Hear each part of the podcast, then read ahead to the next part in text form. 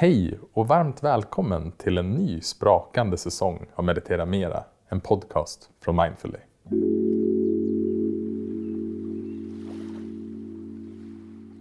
I säsong 5 kommer vi att fortsätta att träffa några av Sveriges och världens ledande experter inom meditation. Men vi kommer även att höja blicken och träffa människor som på olika sätt arbetar med eller inspirerar andra till att leva ett mer närvarande, medvetet och kärleksfullt liv. Vi har bokat in flera gäster och det ska både bli fint att träffa dem och få dela de samtalen med er. Och som alltid så tar vi tacksamt emot tips på personer som inspirerar dig och som du skulle vilja lyssna på i podden. Kontakta oss gärna på hej.mindfully.nu. Men just nu får du hålla till godo lite med de spännande gästerna för i det här första avsnittet av säsong 5 så bjuder vi på Mindfully på det andra kapitlet av min bok Meditation, ett inre äventyr. Du hittar det första kapitlet här i podden i säsong 4. Men framförallt hittar du hela boken som ljudbok i Mindfully. Kapitel 2, som du snart ska få lyssna till, heter Meditation och mindfulness det är mitt försök att beskriva vilken inverkan meditation kan ha på våra liv. Framförallt individuellt, men även som samhälle. Vad har mindfulness att göra med de bästa stunderna av våra liv? Meningen med livet? Och kan det till och med vara en fråga om liv och död? Du får även lyssna till en del av den forskning som gjorts. Vad skillnaden mellan meditation och mindfulness egentligen är. Om mindfulness globala framväxt men även vad jag tror stoppar många från att börja meditera. Samt tips för hur du kan skapa den goda vanan. Som du hör är det ett fullmatat kapitel och här kommer det.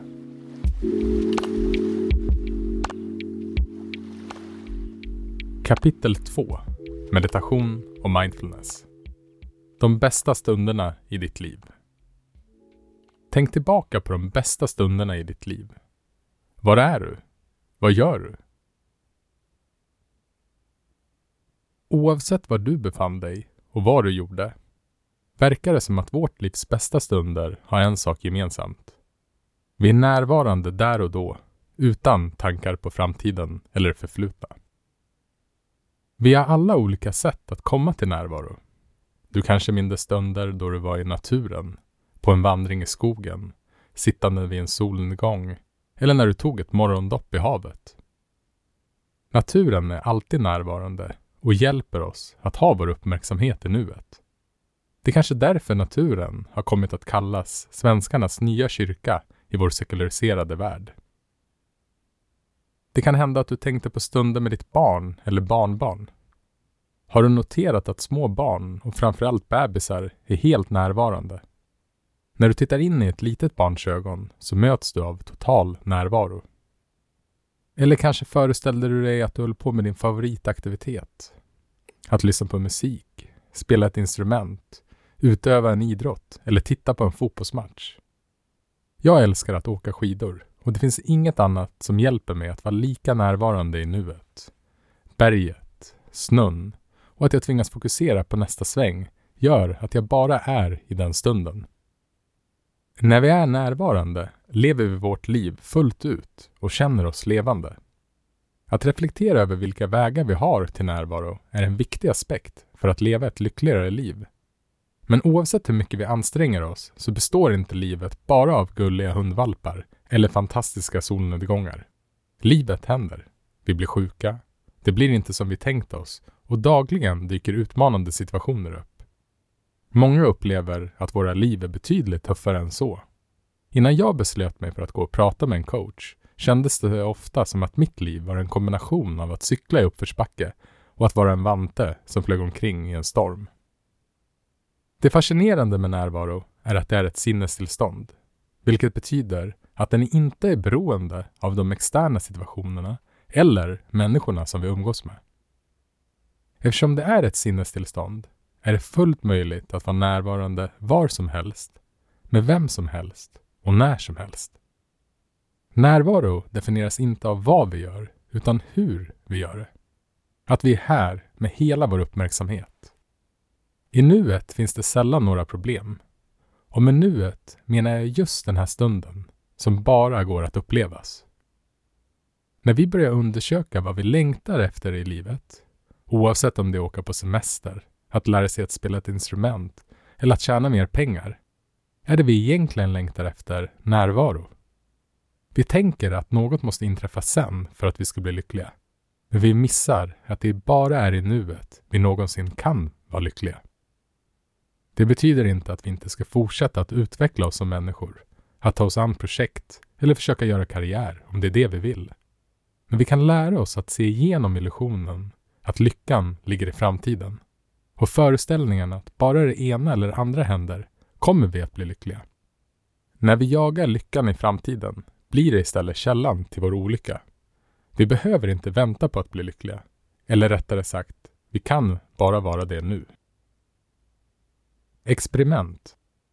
Nästa gång du ska göra något vardagligt som känns tråkigt, så prova följande. Vad händer om du ger uppgiften din fulla uppmärksamhet? Som att det du ska göra är det viktigaste du gjort i ditt liv. Hur blir din upplevelse då?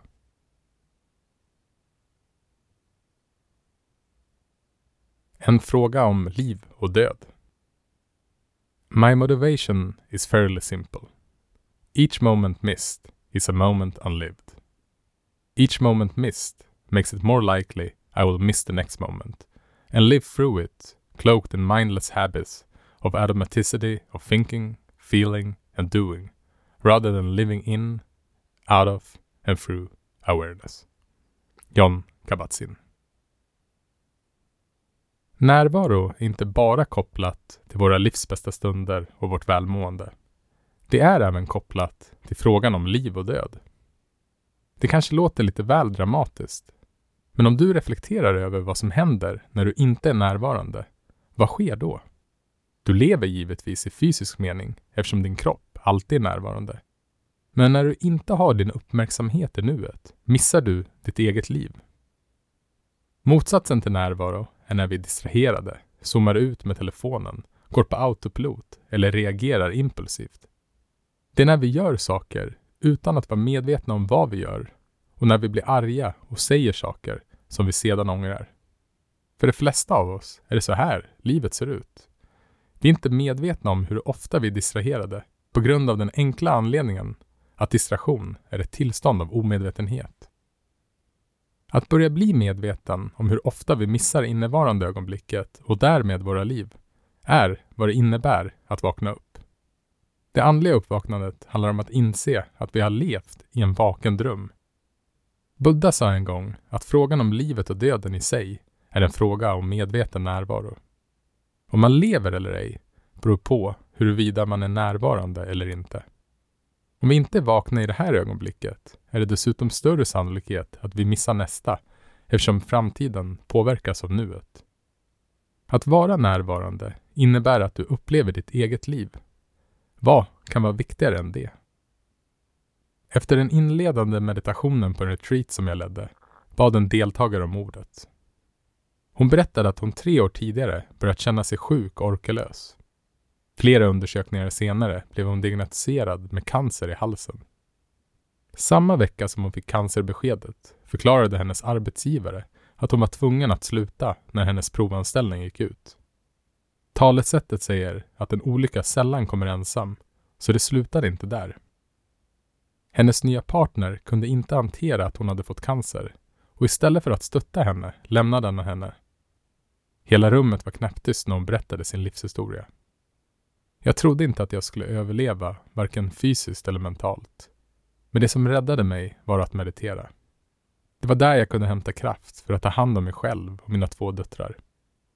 Jag hade ingen aning om hur det hon hade gått igenom kändes, men jag förstod vad hon menade. För i nuet finns det en plats att vila på. En fristad från såväl livets världsliga problem, liksom från de som faktiskt gäller liv och död, vilket var fallet för henne. Sist vi talades vid var hon friskförklarad och hade fått ett nytt jobb samtidigt som hon hade påbörjat en karriär som kommunalpolitiker.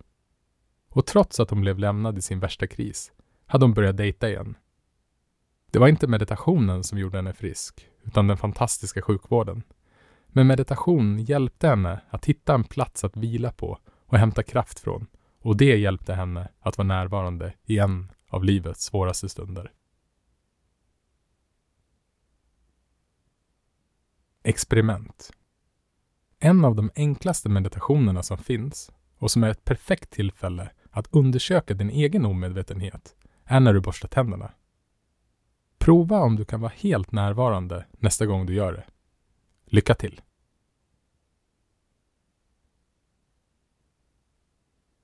Meningen med livet För ett par somrar sedan var jag och min fru Anna båda på dåligt humör. Trots att vi hade semester kände vi oss trötta, håglösa och det var inget som verkade kul. Inget bra recept för en härlig semester. På väg upp till min pappas och min andra mammas stuga i Bergslagen, jag kommer presentera min moderna familj närmare i kapitel 4, gjorde vi ett byte i Avesta Krylbo och Anna passade på att gå in på den gamla tågstationen för att handla kaffe. När hon kom tillbaka var hon plötsligt upprymd. Hon hade kommit på idén att vi borde fråga människor vad är meningen med livet? Jag blev lika upprymd och innan tåget rullat ut från stationen hade mina fantasier dragit iväg till att svaren skulle kunna ges ut som en bok. När vi väl kom fram till stugan började vi med att ställa frågan till min familj och spelade in deras svar. Men ganska snart efter att vi kom hem till Stockholm igen tröttnade Anna. Frågan var inte lika viktig längre och det dröjde inte länge förrän jag också gav upp det storslagna projektet. Dödsstöten kom när jag lyssnade till den amerikanska författaren och meditatören Sam Harris som talade om meningen med livet och mindfulness. Han menade att lösningen på problemet inte finns i svaret. Tvärtom uppstår ett illusoriskt problem i och med frågan vad är syftet med vår tillvaro här på jorden? Vilket skapar myter, vidskepelse och plågsamt tvivel. Tänk dig planeten där evolutionens mirakel fortfarande pågick, men där vi människor inte längre existerade. Vilket högre syfte hade då funnits för alla levande organismer som fanns kvar? Och varför skulle det finnas en högre mening för oss människor? Det är ett påhittat problem som är en konstruktion av våra tankar. Frågan uppstår också bara som en tanke när vi inte mår bra, när vi inte är närvarande. För när vi är närvarande försvinner den här existentiella frågan ur vårt medvetande. Behöver du ha svar på frågan när du leker med ditt barn? Eller när du lyssnar på din favoritartist? När Anna blev närvarande i stugan var hon inte längre intresserad av frågan om meningen med livet och vårt projekt. När jag hörde Sam Harris fick jag återigen en sanningsrysning. Jag visste att mitt sökande var över.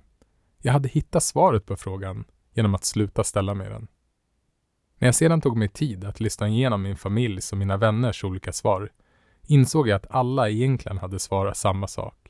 Det som gav deras liv mening var i grund och botten närvaro. Levande zombies om närvaro inte bara är kopplad till vårt välmående utan även till vad som ger oss mening och i sann Shakespeare-anda är en fråga om liv och död.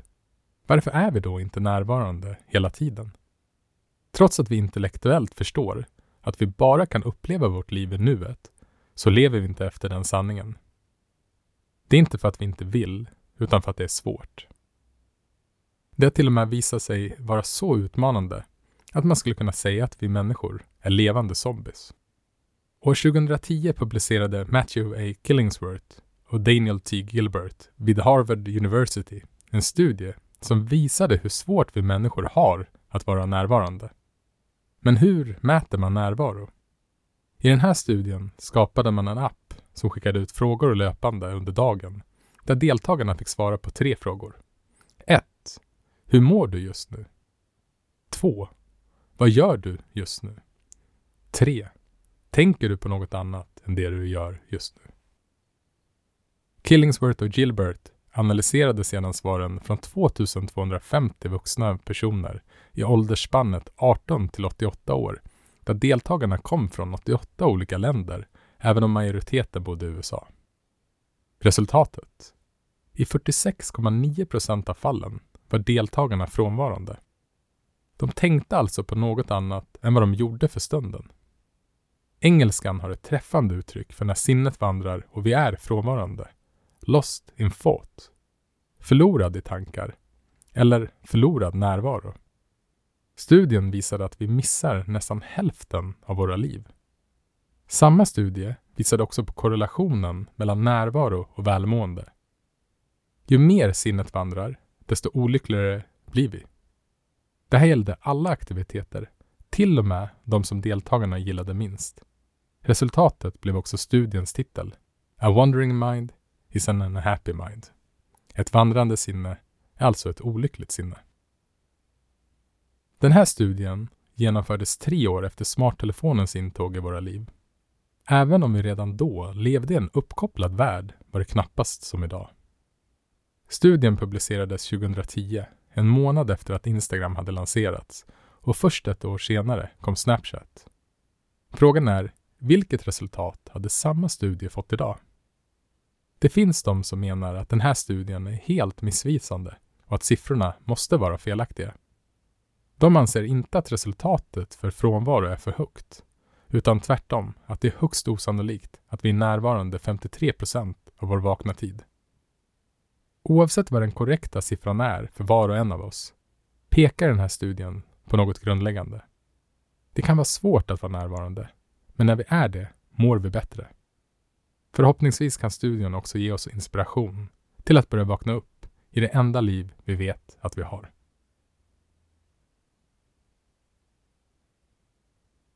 Hjärnans standardnätverk. Killingsworth och Gilberts studie visade att det är svårt att vara närvarande, men inte varför det är det. För att få svar på den frågan behöver vi ta hjälp av neurovetenskapen. Trots att hjärnan bara utgör 2% av vår kroppsvikt förbrukar den 20% av energin av ämnesomsättningen. Oavsett om vi ligger på soffan och vilar eller utför en svår mental uppgift så är förbrukningen densamma. Det är för att delar av hjärnan är högaktiva även när vi inte gör någonting. Området som aktiveras kallas Default Mode Network eller hjärnans standardnätverk. Det omfattar strukturer som är belägna längs med hela hjärnans mittlinje. Men det som är viktigare att veta är hur nätverket opererar. Det har visat sig utföra tre basala uppgifter. 1. Det skapar en känsla av ett jag. Forskare kallar det därför för jag-nätverket. Du kanske känner igen känslan av att hela universum kretsar kring jag, mig och mitt. Hjärnforskning har också visat att nätverket aktiveras när vi får en gilla-markering på sociala medier. Det projicerar jaget på framtiden eller det förflutna och tar med oss på mentala tidsresor. Att lära sig av det som varit och att kunna planera är kanske vad som skiljer oss människor mest från andra arter på vår planet. Men när vi identifierar oss med tankar om det förflutna är det samtidigt en mekanism som kan ligga bakom depression. Och tankar kring framtiden blir lätt en källa till oro och rädsla. 3. Det söker ständigt efter problem, vilket är en evolutionär egenskap som har varit central för vår överlevnad. Men samma funktion gör att vi ofta förbiser att en stor del av vår tillvaro är problemfri. Jag misstänker att du redan har hört tillräckligt många gånger att vi inte längre lever på savannen och behöver vara rädda för sabeltandade tigrar. Men vår rädsla står nästan aldrig i proportion till verkligheten. Evolutionen bryr sig om vår överlevnad och reproduktion, inte vår lycka. Hjärnans standardnätverk låter som en neurologisk beskrivning av egot. Det även visar sig att det består av flera olika nätverk som tävlar om vår uppmärksamhet. När sinnet vandrar och går från ett nätverk till ett annat så har det ena blivit tillräckligt starkt för att kunna ta över din uppmärksamhet från det andra. Du blir på ett sätt kidnappad av dina egna tankar.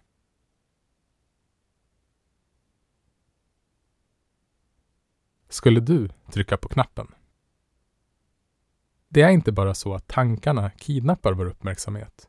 När de väl har gjort det så börjar de ofta terrorisera oss. Tänk på hur det är i fängelser. För de flesta är det värsta straffet inte att vara inlåst med kriminella, oavsett hur grova brott de begått, utan det är att bli placerad i en isoleringscell. När det inte finns något som fångar vår uppmärksamhet börjar tankarna vandra.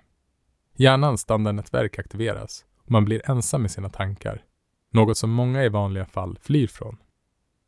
I en liten studie från University of Virginia fick 18 män och 24 kvinnor sitta i ett rum under 15 minuter ensamma, utan telefoner eller något annat att sysselsätta sig med. Det fanns dock en sak i rummet, en knapp. Men inte vilken knapp som helst. Om deltagarna tryckte på den fick de nämligen en elektrisk stöt. Alla deltagare visste vad det var för knapp och de hade till och med fått ett smakprov av stöten innan de blev instängda i rummet. Det var så pass obehagligt att alla rapporterade att de hellre hade betalat pengar än att uppleva samma smärta igen. Men nu var förutsättningarna annorlunda. För under experimentet var knappen det enda som fanns i rummet. Vad som hände sen var mycket förvånande. Trots att deltagarna bara satt i rummet i 15 minuter så tryckte 12 av de 18 männen på knappen medan 6 av de 24 kvinnorna gjorde samma sak. Forskarna är osäkra på vad resultatet betyder. En teori är att vi lever i en hyperstimulerad värld där vi snabbt får tråkigt. De funderade också på om det är så att vi människor är konstruerade att söka efter hot och möjligheter. Det är möjligt att båda teorierna är en del av svaret. Men vad många av oss insett, och som vetenskapen nu också har bekräftat, är att när tankarna vandrar och vi inte är närvarande mår vi sämre. Ibland till den grad att vi väljer att ge oss själva en elektrisk stöt.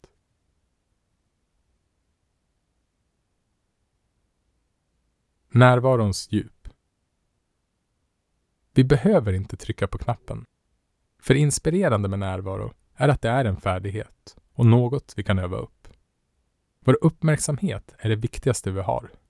Meditation är verktyget för att öva upp förmågan att vara närvarande och att uppleva det innevarande ögonblicket istället för att kidnappas av sina tankar. Buddhas stora insikt var att se igenom tankarnas illusion. Buddha betyder ju som sagt den som är vaken. Att vakna upp från sina tankar handlar om att lära sig att se dem som just det och inte verklighet. Att förstå att det inte är du som producerar dina tankar. Det sker automatiskt. Du kan inte kontrollera vilken tanke som uppstår härnäst. Det är dock inte tankarna som är problemet, utan vår identifikation med dem. När vi tror på vad vi tänker blir livet tyngre att leva. Även om du är lyckligt lottad och har många positiva tankar just nu, så är det fortfarande tankar. Det är ett mentalt fenomen som inte har någon reell verklighet. Verkligheten är det som händer här och nu och som du kan förnimma med dina sinnen. Att leva i verkligheten, det är närvaro. Meditation är verktyget för att uppleva livet mer, istället för att hela tiden fastna i problemfyllda berättelser om vad som hände i det förflutna eller vad vi tror ska hända i framtiden. Precis som att det är svårt att definiera musik eller idrott gäller det även meditation.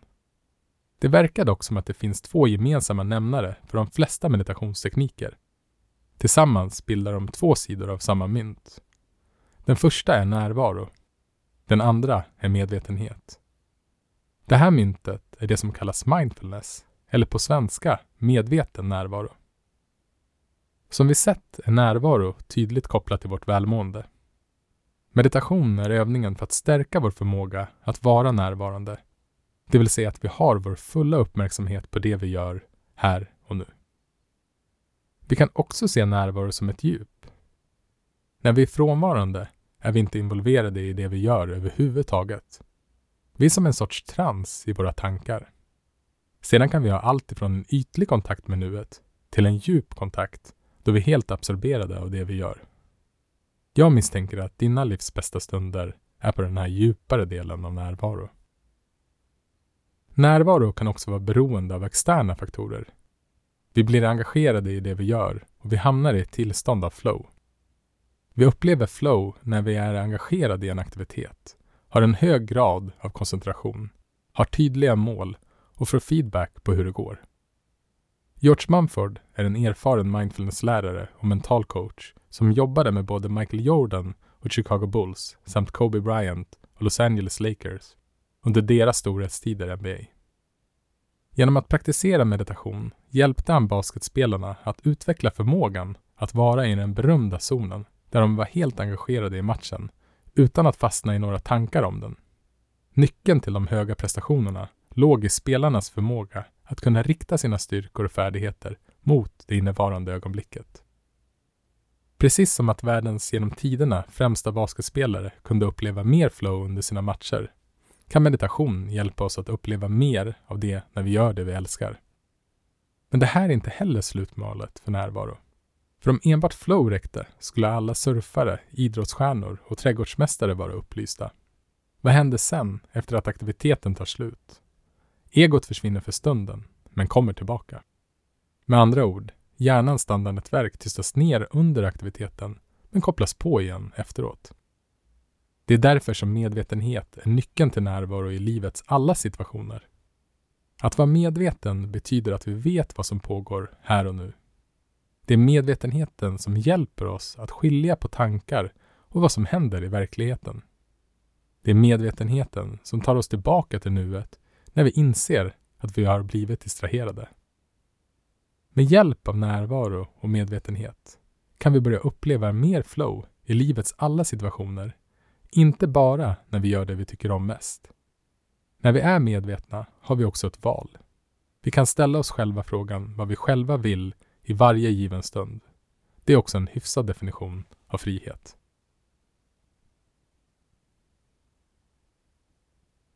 Skillnaden mellan meditation och mindfulness. Between stimulus and response there is a space. In that space is our power to choose our response. In our response lies our growth and our freedom. Viktor Frankl. Mindfulness har blivit ett buzzword de senaste åren. Med den ökade populariteten florerar det många olika definitioner. En av dessa är att vara här och nu. Den fångar en del av vad mindfulness är, men långt ifrån allt. Mindfulness är en översättning av ordet sati på det gamla fornindiska språket pali som talades på Buddhas tid. Ordet har inte bara en betydelse, utan flera. Den kanske viktigaste betydelsen är klart medvetande.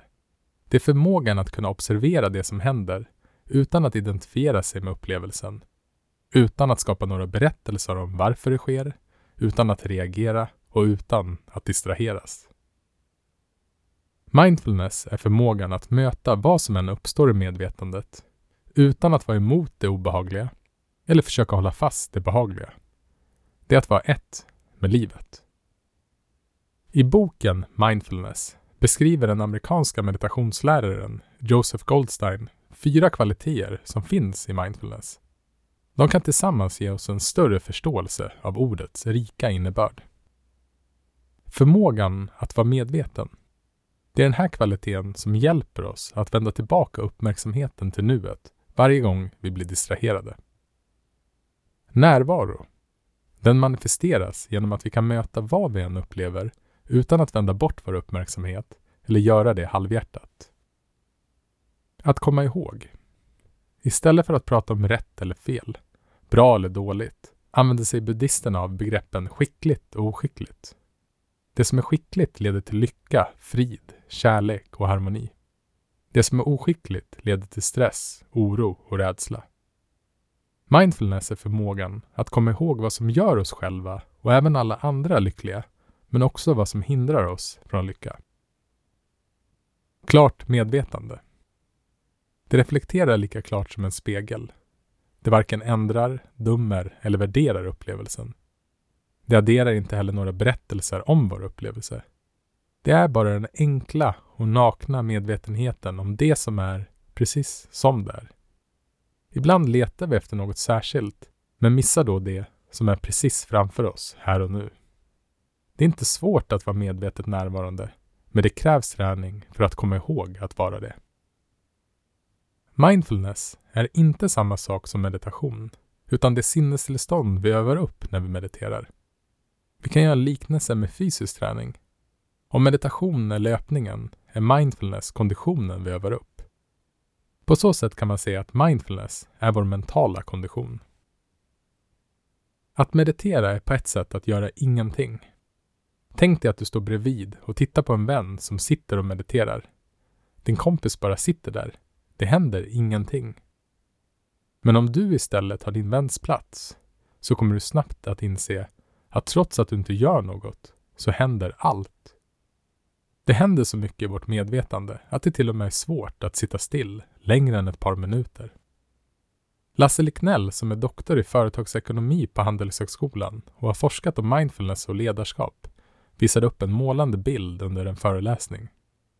Han tog upp en snöglob och skakade på den så att hela globen blev fylld av små snöflingor. Det är en beskrivning av hur det kan se ut i vårt medvetande. Ett yrväder av tankar, känslor och fysiska förnimmelser. Det här yrvädret styr hur vi interagerar med världen. Meditation är konsten att göra ingenting, men att vara närvarande med allt, precis som det är. Genom att vara stilla i nuet och mjukt vända tillbaka uppmärksamheten varje gång vi dras med i snöovädret kan vårt sinne lugna ner sig. Snön lägger sig på marken och vi kan för första gången börja se klart. Att se klart är också en hyfsad definition av mindfulness. Med hjälp av mindfulness kan vi sedan undersöka sambandet mellan tankar, känslor och fysiska förnimmelser. Om du tänker tillbaka på något jobbigt som har hänt i ditt liv kommer du att uppleva känslan igen när den manifesteras i kroppen. Om vi får en ledsen eller orolig tanke kan vi alltså känna oss ledsna eller oroliga trots att inget egentligen har hänt nu. Samspelet mellan tankar, känslor och fysiska förnimmelser, hur vi uppfattar världen, vilket ofta sker omedvetet. Mindfulness hjälper oss att bli mer medvetna om det här samspelet.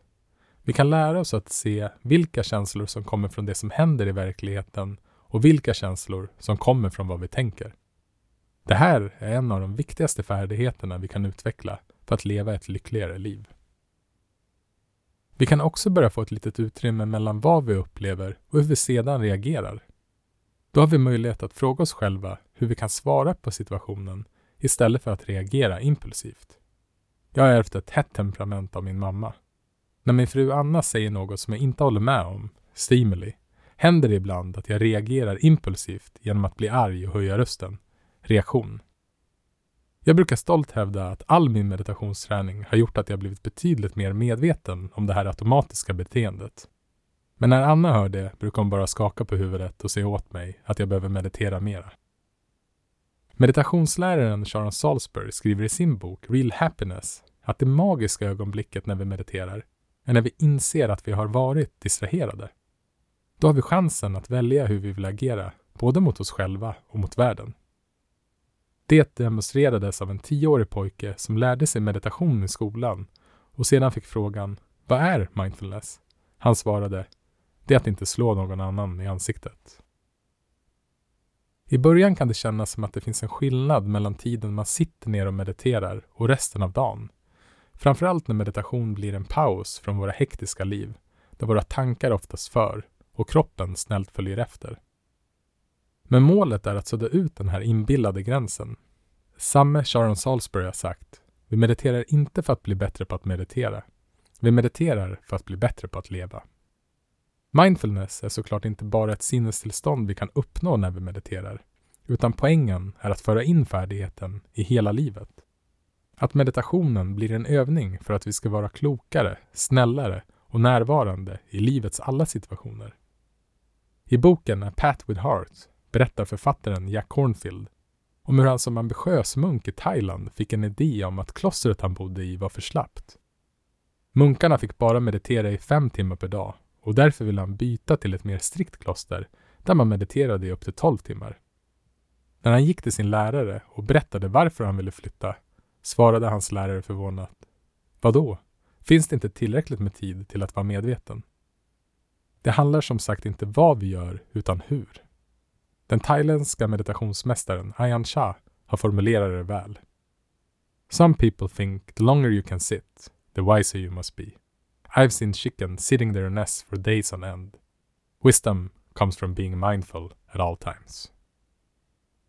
Som jag redan beskrivit är mindfulness inte bara förmågan att vara närvarande, utan hjälper oss också att se klart. Att se vad som gör oss lyckliga, men också vad som hindrar oss. För det är först när vi blir medvetna som vi kan ta kloka beslut. Och ju fler kloka beslut vi kan ta, desto bättre kommer vi att må. Meditation handlar om att träna upp vår förmåga att rikta vår uppmärksamhet mot det som är mest värdefullt i varje given situation. Och väldigt sällan brukar det vara våra automatiska tankar.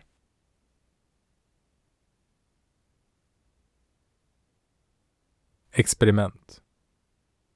Mindfulness är närvaro och medvetenhet utan att vi värderar, kategoriserar, dömer eller skapar en berättelse om det vi upplever. Det betyder att vi inte adderar några tankar till upplevelsen, utan att vi möter allt med ett klart medvetande, där vi varken försöker hålla fast vid upplevelsen eller undvika den. Vi tillåter allt att vara precis som det redan är. Du behöver ta ett par minuter för att göra det här experimentet. Ta ett par djupa andetag in genom näsan och ut genom munnen.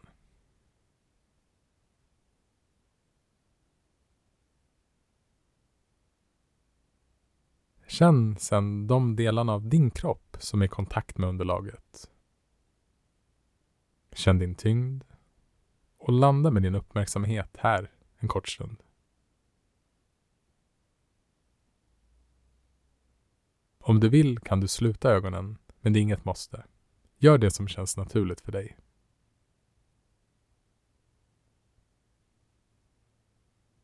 Vänd sedan uppmärksamheten inåt och notera vad som händer i dig just nu. Tillåt allt att vara precis som det redan är. Och var medveten om allt du upplever utan att värdera det som rätt eller fel, bättre eller sämre, utan att kommentera och utan att kritisera. Var som ett nyfiket vittne.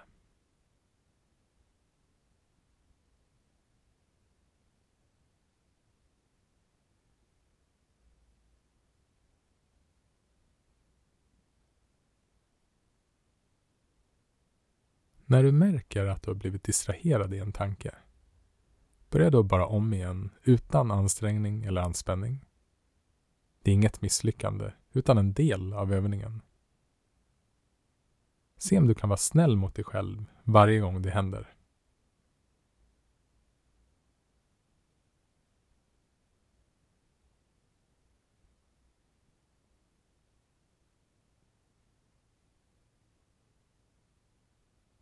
Vänd sedan tillbaka uppmärksamheten till de delarna av kroppen som är i kontakt med underlaget och öppna ögonen om du har haft dem slutna.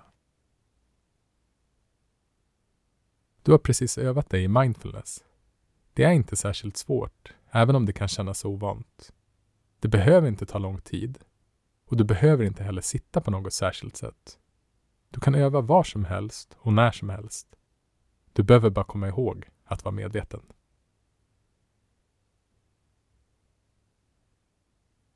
Mindfulness globala framväxt. I min beskrivning om mindfulness har jag lyft in tre amerikanska meditationslärare, Joseph Goldstein, Sharon Salzberg och Jack Cornfield.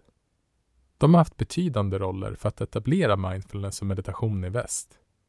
På alla hjärtans dag den 14 februari 1976 startade de retreatcentret Insight Meditation Society, IMS, i USA. De hade alla tre spenderat flera år med att praktisera under olika meditationsmästare i Asien. När de kom tillbaka till USA och öppnade IMS valde de medvetet att anpassa övningarna så att de skulle fungera bättre i ett västerländskt sammanhang. Bland annat fick deltagarna sitta på stolar om de ville, istället för med korslagda ben i lotusställning, som var normalt i öst. Många av nutidens starkaste röster inom meditation och mindfulness har praktiserat under ledning av dessa tre lärare. Det var under en retreat på EMS som John Kabat-Zinn fick idén att ta fram Mindfulness-Based Stress Reduction, MBSR. År 1979 grundade han en klinik på University of Massachusetts för att behandla dem som hade kroniska sjukdomar, men där ingen medicin hjälpte. Idag har det åtta veckors program som John Kabat-Zinn tagit fram blivit så välkänt att det ibland finns en missuppfattning om att det var han som grundade mindfulness. John Kabat-Zinn är dock en bidragande faktor till etableringen av mindfulness över hela världen och MBSR är en av de största organiserade formerna av sekulariserad mindfulness.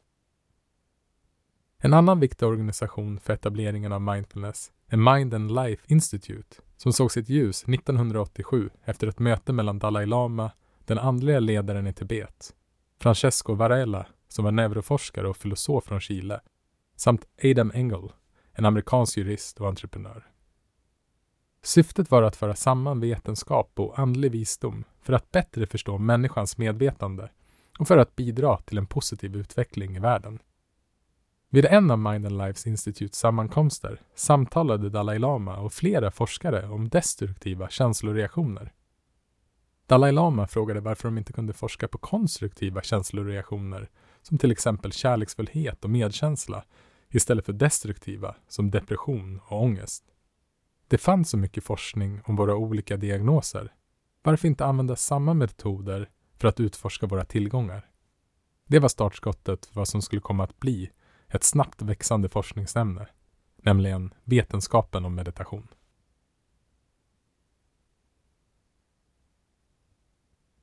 Vetenskapen om meditation. Sedan tidig ålder har vi fått lära oss att vi kan och bör träna fysiskt. Om vi springer får vi bättre kondition. Om vi går på gym eller gör armhävningar blir vi starkare. Om vi dansar, yogar eller stretchar blir kroppen mer flexibel. Och vi blir inte bara snabbare, starkare och flexiblare. Vi mår dessutom bättre av fysisk träning. Men många av oss har inte fått lära sig att det går att träna mentalt. Vi är och förblir inte alltid som vi har varit. Hjärnan är inte statisk, utan den är plastisk. Forskning inom neurovetenskap har vänt upp och ner på den konventionella kunskapen att hjärnan slutar förändras när vi når vuxen ålder. Det visar sig istället att hjärnan ändras hela tiden i respons till det vi upplever. Neuroplasticiteten, att hjärnan formas av upprepade erfarenheter, fortgår från morgon till kväll. En påverkan som vi normalt är omedvetna om. Hjärnan kan liknas vid en muskel som stärks av träning. Det betyder också att den förändras när vi inte tränar den. Precis som att vi blir mer anfodda om vi slutar konditionsträna kommer även våra hjärnor och vårt beteende att påverkas om vi inte ägnar oss åt mental träning. Det här visar sig inte minst när det kommer till multitasking. Myten att vi människor kan göra två kognitiva uppgifter samtidigt verkar dock vara seglivad.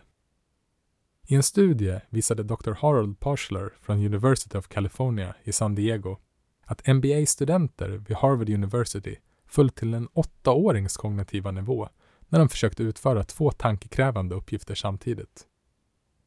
Meditation stärker förmågan att stå emot impulsen att göra flera saker samtidigt genom att gång på gång rikta uppmärksamheten mot ett medvetet mål. När vi blir fullständigt närvarande i en sak i taget blir vi inte bara effektivare och produktivare, utan vi mår dessutom bättre. Antalet studier om meditation och mindfulness har växt lavinartat och 2018 hade det publicerats över 6 800 internationella studier. Det är fantastiskt att forskare nu undersöker vilka effekter meditation har, men det finns ett par viktiga aspekter att ha i beaktande. För det första är det fortfarande ett ungt forskningsämne som inleddes på 1970-talet. Det är många studier som behöver följas upp med ytterligare experiment och kontroller för att kunna se vad olika typer av meditationstekniker ger för effekter. Det andra är att många av forskarna inom meditation själva är utövare. Det ger dem givetvis viktiga insikter, men det kan också leda till bias att publicera positiva resultat. Det tredje problemet har inte så mycket att göra med forskningen i sig, utan handlar om hur den tolkas. Vi är många som vill marknadsföra meditation med den senaste forskningen, vilket ofta leder till att vi tar i rejält med saltkaret när vi använder oss av studierna. Jag ska erkänna att jag är en av dem skyldig. I boken Stillhetens styrka, vetenskapen om meditation har Richard J. Davidson och Daniel Goldman gått igenom de publicerade studierna om meditation och mindfulness för att undersöka vad vetenskapen har kommit fram till. Richard J. Davidson och hans forskningslabb vid University of Wisconsin har även varit världsledande i det nya forskningsfält som kommit att kallas för kontemplativ neurovetenskap. Davidson och Goldmans slutsats är att meditation har flera positiva effekter på ett tidigt stadium, även för nybörjare. En allmänt vedertagen upplevelse från de som mediterar, om än subjektivt, är att meditation minskar stress. Det även observeras neurologiskt genom att hjärnan visar minskad stressreaktivitet i amygdala, ett område som är tydligt kopplat till stress.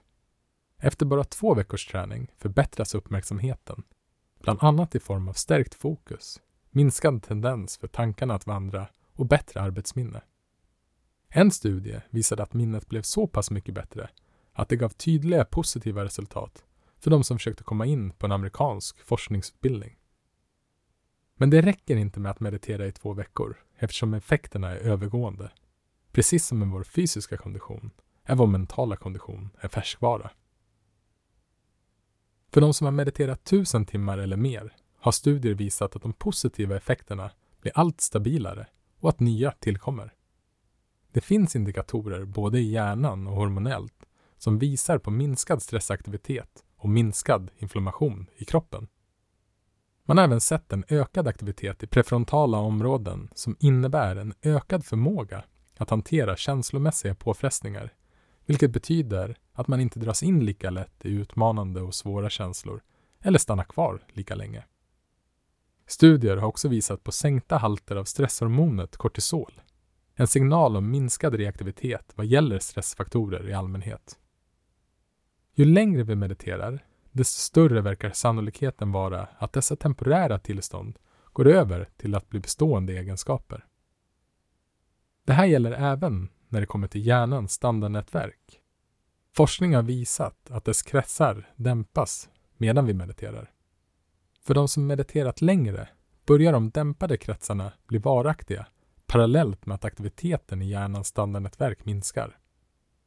Det betyder inte att de självcentrerande och problematiska tankarna som utspelar sig i framtiden eller förflutna slutar att dyka upp. Men det innebär att vi inte hakar fast oss vid dem lika ofta. Vi blir bättre på att skilja på tankar och verklighet genom att tankarna får uppstå och försvinna utan att vi identifierar oss med dem. Inom Dzogchen-traditionen från den tibetanska buddhismen, där man praktiserar en form av öppen medvetenhet, belyses det här genom att beskriva tankar likt inbrottstjuvar som kommer till ett tomt hus. Det finns inget att stjäla. Tankarna kan kidnappa och terrorisera oss. Vi kan gå vilse och förlora oss i dem. Och de kan stjäla vår uppmärksamhet. Men vetenskapen bekräftar nu vad medvetna människor sagt i årtusenden. Det är möjligt att göra tankarna till tjänare istället för herrar.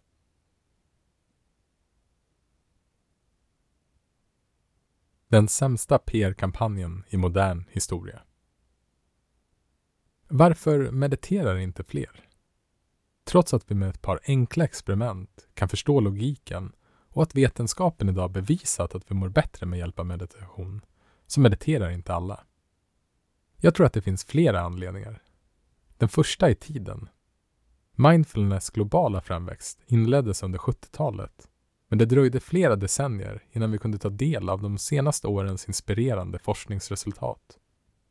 Idag vet vi att fysisk träning är en viktig komponent för vårt välmående, vilket inte var självklart för 50 år sedan. Det var först 1978 som Friskis och Svettis grundades och inledde vad som har kommit att bli en folkhälsorevolution. Idag går 41 procent av kvinnorna och 40 procent av männen i Sverige på gym minst 20 gånger per år. Fysisk träning har också blivit allt populärare. Andelen som utövade någon idrott fler än 20 gånger per år ökade från 58 till 70 procent bland män och från 60 till 74 procent bland kvinnor mellan åren 2008 till 2015. Är vi i början på en ny folkhälsorevolution? Attityderna till meditation och andra kontemplativa övningar har blivit allt mer accepterade, vilket är ett viktigt första steg.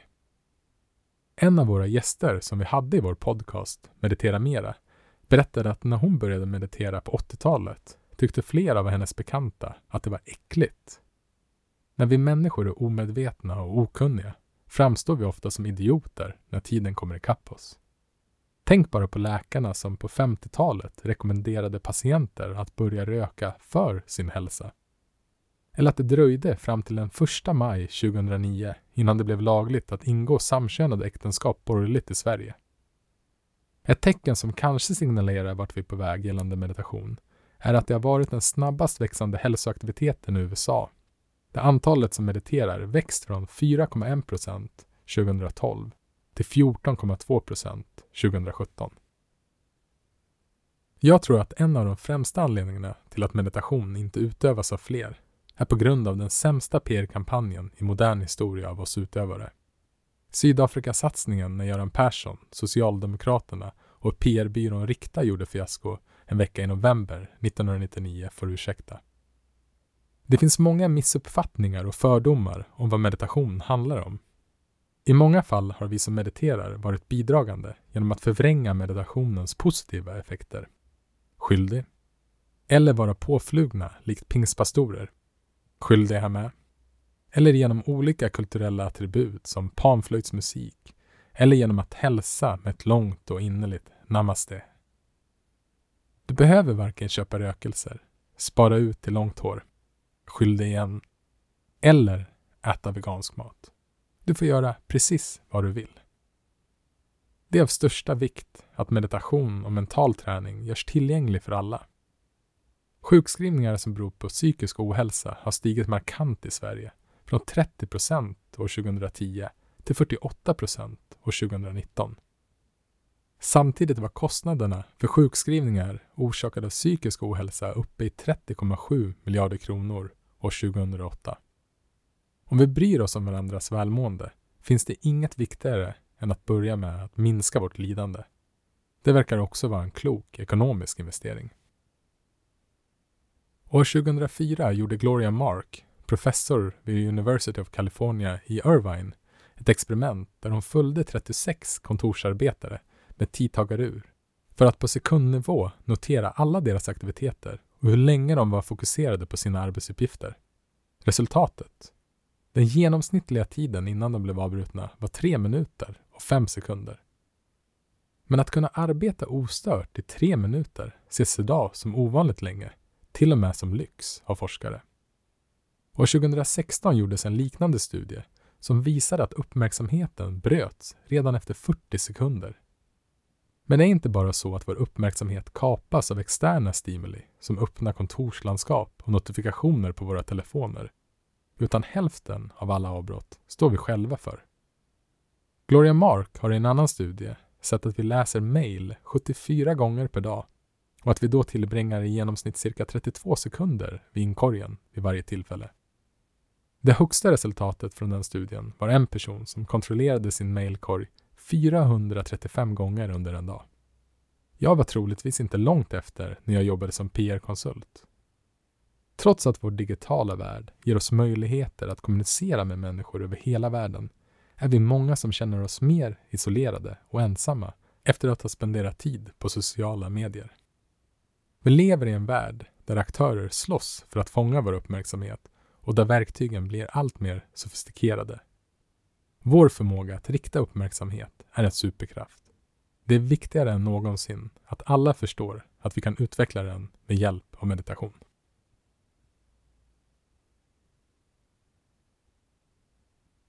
Tvivel, fördomar och missuppfattningar. När den andliga läraren Adyashanti fick frågan vad han hade att säga till alla som tvivlade på om det verkligen fanns något att hitta den längs den andliga vägen svarade han Först av allt, du har jäkligt goda anledningar att vara skeptisk. Vi har alla blivit bedragna i våra liv. Och det är svårt att bevisa resultaten av meditation på ett intellektuellt plan. Så låt oss engagera ditt tvivel. Du har rätt att ifrågasätta, men bara om du ifrågasätter allt. Vi kan använda oss av tvivlet, men vilken typ av tvivel har du? Är det som ett nyfiket barns? Eller är det maskerat som en identitet för att skydda identiteten själv. Det jag tror Adyashanti menar är att det finns två sorters tvivel. Tyvärr fastnar många av oss i det förlamande tvivlet. Vi är skeptiska, men bara just det. Det är tvivel där vi oftast har en idé om hur något är och det kan låta så här. Äh, vad är det här för något? Jag vet att det är bara påhittat. Eller lite mildare. Jag har läst om det här, så jag vet att det inte stämmer. När vi har det här tvivlet säger det stopp direkt. När vi undersöker våra egna liv kan vi upptäcka att det finns med oss oftare än vad vi är medvetna om. När vi tror att vi vet, eller när vi har en bestämd uppfattning, slutar vi också att undersöka för oss själva. En annan form av tvivel som hindrar oss låter exempelvis ”Jag vet inte om jag gör rätt” eller jag vet inte vad jag ska göra. Det här stoppet känns inte lika tvärt. Men vi står fortfarande stilla. Sen finns det andra tvivlet, det nyfikna. Vi är fortfarande skeptiska, men ändå intresserade. Det är när vi inte nöjer oss med vad någon annan säger eller vad vi har läst om, utan själva undersöker vad som är sant. Det kan låta så här. Det här låter märkligt, men låt mig testa och se efter själv. Den andliga resan drivs av det här nyfikna tvivlet. Det är viktigt att vi är skeptiska, eller som Tage Danielsson sa, utan tvivel är man inte klok. Om vi är öppna och nyfikna, men utan att vara skeptiska, är det lätt hänt att vi istället börjar tro på något. Vi tappar den undersökande kvaliteten. Att vara skeptisk kanske låter negativt, men det är det inte. Vi kan ha ett nyfiket tvivel med ett leende på läpparna. Experiment. Påminn dig om något där du är tvärsäker och vet att du har rätt.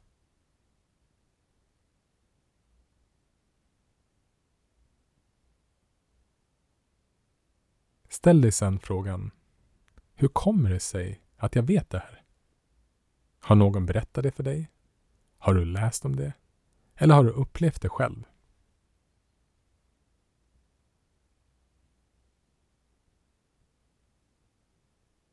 Undersök sedan om det är möjligt att vrida på perspektivet. Går det att se det från något annat håll? Om det går, är det inte då så att ditt perspektiv inte är det enda rätta, utan att det är ett perspektiv av många? Låt oss undersöka ett par vanliga fördomar om meditation. Meditation är en religion det är sant att många av de kontemplativa traditionerna kommer från religiösa samfund. Men vad är religiöst med att vara närvarande? Eller att träna på att vara medveten utan att döma och kritisera det vi upplever? Sam Harris, som jag nämnt tidigare, är en erfaren meditatör och han har även kommit att kallas en av de fyra ateisternas riddare. Han har gett följande svar på tal. Det finns en anledning till att vi inte pratar om kristen fysik eller muslimsk matematik. Även om det var kristna som uppfann fysiken och muslimer som uppfann matematiken. Idag skulle den som hävdade att vetenskapen hade sitt ursprung i kristendomen och islam framstå som att han inte förstod disciplinerna överhuvudtaget. På samma sätt när vi har utvecklat en vetenskaplig förståelse för den andliga vägen kommer det att överskrida alla religiösa associationer. När en sådan konceptuell revolution har ägt rum kommer det att vara synonymt att prata om buddhistisk meditation med ett misslyckande att integrera förändringarna som ägt rum i förståelsen av det mänskliga medvetandet. Det är bara rökelser, stjärntecken, vattenfall och tarotkort. Det var bilderna jag såg framför mig innan jag började meditera och jag är fortfarande allergisk mot mindfulness-stenar. Sju, åtta runda stenar liggande på varandra vid en spegelblank sjö. Googla mindfulness så kommer du att förstå. Vi människor kommunicerar ofta via bilder och det är svårt att illustrera närvaro. Naturen själv gör dock ett bra jobb. En skog, ett berg eller ett hav. Fridfullt och harmoniskt. Sann meditation har inget att göra med attributen. Närvaro och medvetenhet är universellt och tidlöst. Eftersom det är människor från olika traditioner som delat med sig av sina insikter har även följt med ett visst kulturellt bagage. För vissa fungerar det som stöd längs vägen, oavsett om det handlar om att hålla en kristall i handen, att sitta i en viss ställning eller att ha en buddha-staty i trädgården. Men det har inget att göra med om vi är närvarande eller inte. Min erfarenhet är dock att det är nyttigt att släppa taget om fördomar över vad andra inspireras av. Hur ska vi annars kunna vara närvarande? Meditation är flummigt. När Bengt Renander hör detta brukar han svara att tro på sina tankar, det är flummigt. Vetenskapen om meditation, meditationsappar och yoga har varit några bidragande faktorer till att allt fler människor upptäckt, men framförallt upplevt meditation. För det är det som är knäckfrågan här, att uppleva. Det som vi själva inte varit med om kan låta flummigt eller mystiskt när någon beskriver det. Tänk dig att du ska förklara en solnedgång för någon som aldrig har sett den. Hur skulle du lyckas förmedla den upplevelsen med ord? Det enda sättet den andra personen skulle förstå är om hon också fick uppleva samma sak.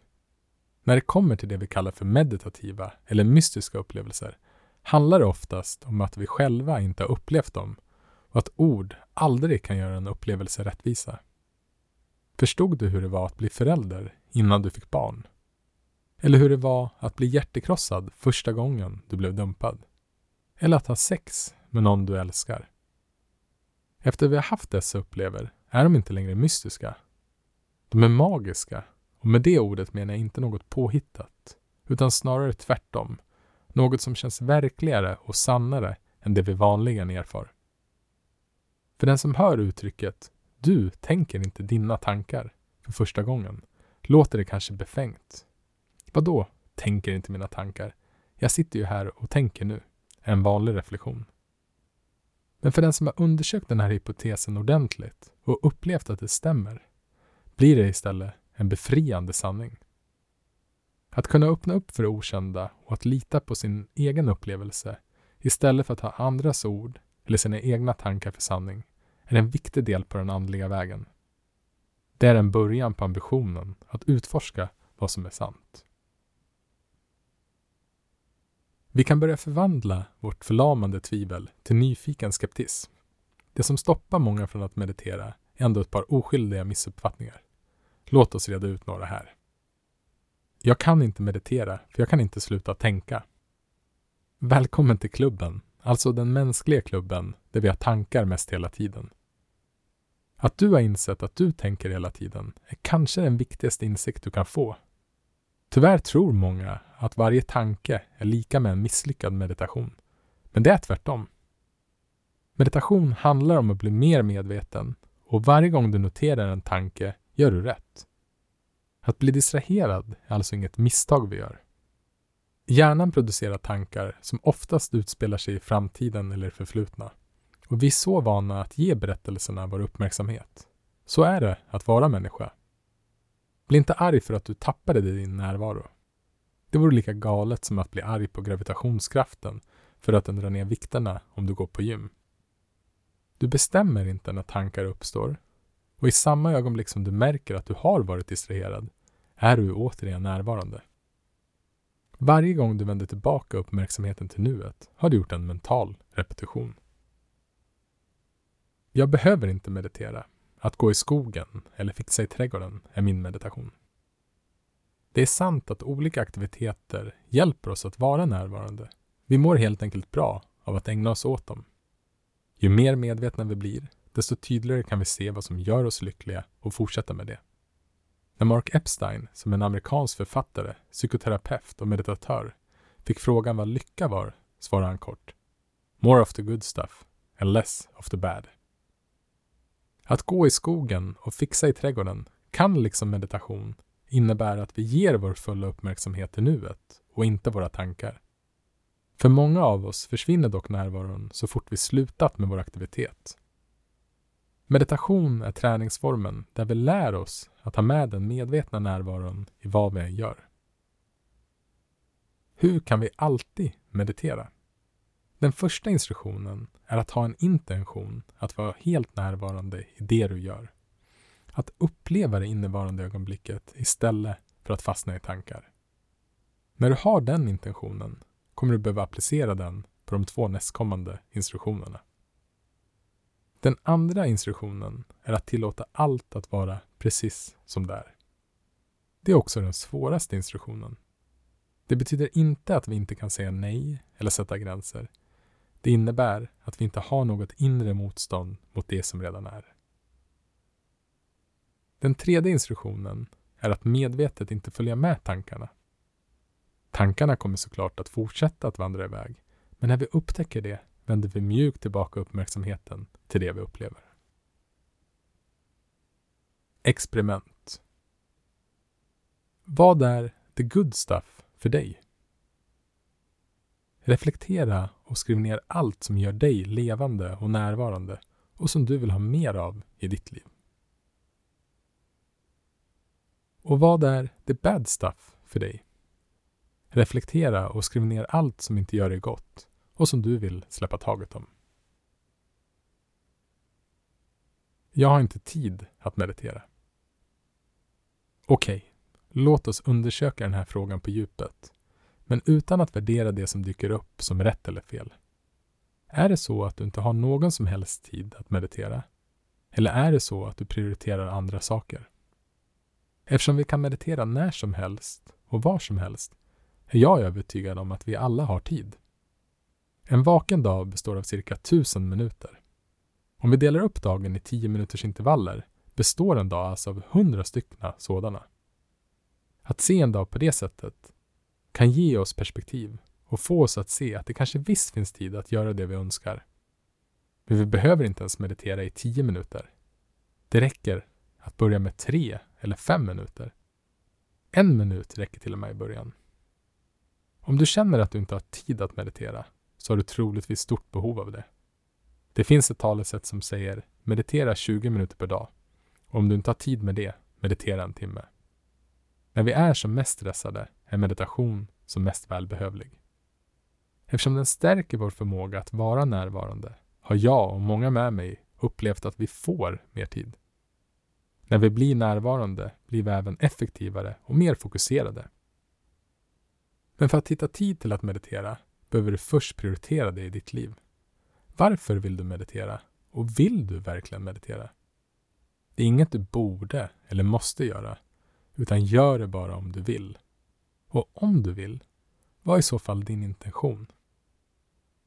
Den kanske ser annorlunda ut för olika dagar, men ju oftare du påminner dig om den, desto mer tid kommer du att hitta till meditation. Det är själviskt att meditera. Det är inte själviskt att göra vad man själv vill. Det är själviskt att man vill att andra ska göra som man själv vill. Det gäller såklart oavsett om det handlar om att meditera, äta hälsosamt, träna regelbundet, sova åtta timmar per natt eller att vårda sina nära relationer. Med rätt intention kan meditation bli en av de mest medkännande handlingarna vi gör. När vi är mer närvarande blir vi tillgängligare för människorna i våra liv. Och när vi blir snällare mot oss själva ökar vår förmåga att vara vänligare mot dem i vår omgivning. Det är först när vi blir medvetna och kan se våra egna fördomar och reaktiva mönster som vi har en möjlighet att inte agera utifrån dem. Då slutar vi också att skapa drama och konflikter. När du reflekterar över din intention, se då också om du kan inkludera hur de i din omgivning kan ha nytta av att du mediterar. Du kanske vill involvera dem du ska träffa idag och ha intentionen att vara närvarande med dem. Närvaro är en fin gåva som vi kan ge varandra. Kanske den finaste gåvan av dem alla. Jag förstår inte vad jag ska göra. Gör jag verkligen rätt? Det är vanligt att börja fundera på vad man ska uppleva när man mediterar, eller om man gör rätt. När det händer, kom då ihåg att du inte förmodas uppleva något särskilt. Gå istället till din direkta upplevelse av det som sker just nu. Det som händer när du undrar om du gör rätt är att du har tankar som tar sig i formen av tvivel. Det uppstår för i princip alla när de mediterar. Och inte bara då, utan även generellt i livet. När vi upplever tankar av tvivel känns de ofta viktiga och sanna. Men faktum kvarstår att de inte är verklighet. Jag vet inte hur många gånger jag har fastnat i tvivel under meditation. Varje gång jag kommer ihåg att det bara är tankar känns det som en befrielse. Ah, det var inte mig det var fel på. Jag upplever bara tvivel. Istället för att följa med tanken kan du göra en mental notering, tvivel, när den uppstår. Det hjälper dig att få distans till tanken och bli medveten om vad som faktiskt pågår. En av de största utmaningarna med meditation är att vi försöker förstå närvaro med vårt intellekt. Men det finns inget att förstå. Resan handlar om att lära oss att lita på vår direkta upplevelse. Det är här visdomen finns.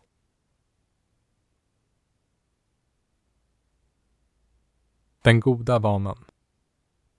Det är inte svårt att meditera, men det kan vara utmanande att få till vanan.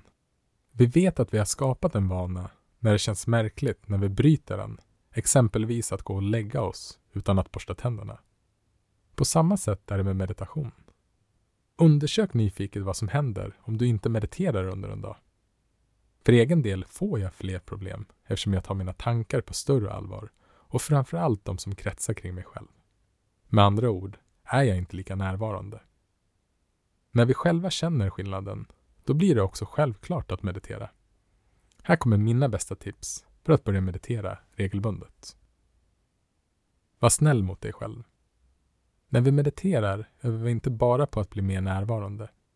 Vi övar oss också på att vara snällare mot oss själva. Varje gång vi blir distraherade av en tanke och börjar om utan inre kritik så tränar vi på självmedkänsla. På samma sätt kan vi förhålla oss varje gång vi planerat att meditera men livet kommer emellan. Varför inte bara börja om imorgon igen? Koppla din meditation till en befintlig aktivitet. Se över din dag och se om du kan lägga till din meditation i anslutning till något du redan gör. Efter att du har bäddat sängen, innan du äter lunch, direkt efter du kommer hem från jobbet eller kanske det sista du gör innan du går och lägger dig. Fira gångerna som blir av. Forskning har visat att vi kan stärka möjligheten att skapa en ny vana om vi kopplar på en positiv känsla efter vi har genomfört aktiviteten. Tacka därför dig själv för att du har tagit dig tid som en avslutning på meditationen. Dagar i rad kan vara en kul utmaning, men är inte avgörande. Det mest väsentliga för att skapa en vana är inte att lyckas meditera ett visst antal dagar i rad. Någon gång kommer vi alla att missa. Vi är ju människor och inte robotar. Det viktigaste är att börja om igen efter ett uppehåll. En minut räknas. Den viktigaste meditationen är den som blir av. Tio minuter är bättre än fem minuter, men ibland räcker inte tiden till. Du behöver inte ens meditera i en minut. Tillåt allt att vara som det är och ge din fulla uppmärksamhet till nuet. Bra, nu har du mediterat idag. Inkludera andra i din intention. Att påminna dig själv om varför du mediterar kan hjälpa dig att prioritera. Du kanske vill stressa mindre, sova bättre eller njuta mer av morgonkaffet. Ett tips är att också inkludera hur det kan vara till nytta för andra. Att ha en intention, att du inte bara mediterar för att du själv ska må bra, utan också för att vara närvarande med dem du älskar. Varför inte njuta? Meditation kan bli som en gåva du ger dig själv. En stund utan måsten och borden, då du inte behöver lösa några problem eller förbättra dig själv. Då kan du njuta av att vara närvarande med dig själv en stund, för att sedan kunna njuta av att vara närvarande med andra.